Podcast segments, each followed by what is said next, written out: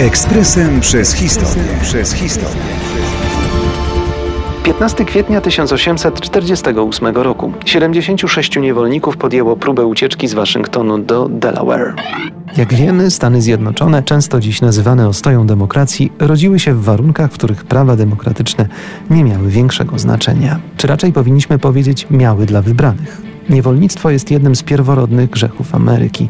Skutki odczuwalne będą zapewne już zawsze. To, co wydarzyło się w kwietniu 1884 roku, było wymownym sygnałem, jak straszne rzeczy dokonują się w młodym wciąż państwie. Ucieczka 76 niewolników z Waszyngtonu, choć nieudana, przeszła do legendy ruchu walczącego o zniesienie niewolnictwa w Stanach Zjednoczonych. Pomoc, nie bezinteresowną, dodajmy, zapewnił wówczas 29-letni Daniel Drayton, który uznawał niewolnictwo za wielką niegodziwość. Opłacił on kapitana szkunera o nazwie Pearl.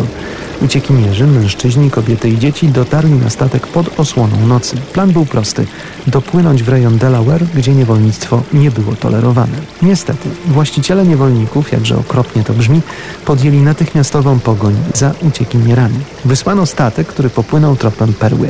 Wszystko wskazuje na to, że denuncjatorem był niestety jeden ze zbiegów. Zapewne coś mu obiecano.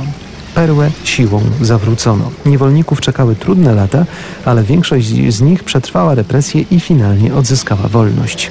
Ucieczka miała skutek administracyjny. Pod wpływem tych wydarzeń kongres już dwa lata później przyjął kompromisową ustawę, dzięki której zakazano handlu niewolnikami w dystrykcie Columbia, ale co kuriozalne, ich posiadanie zakazane nie zostało. Ekspresem przez historię. Przez historię.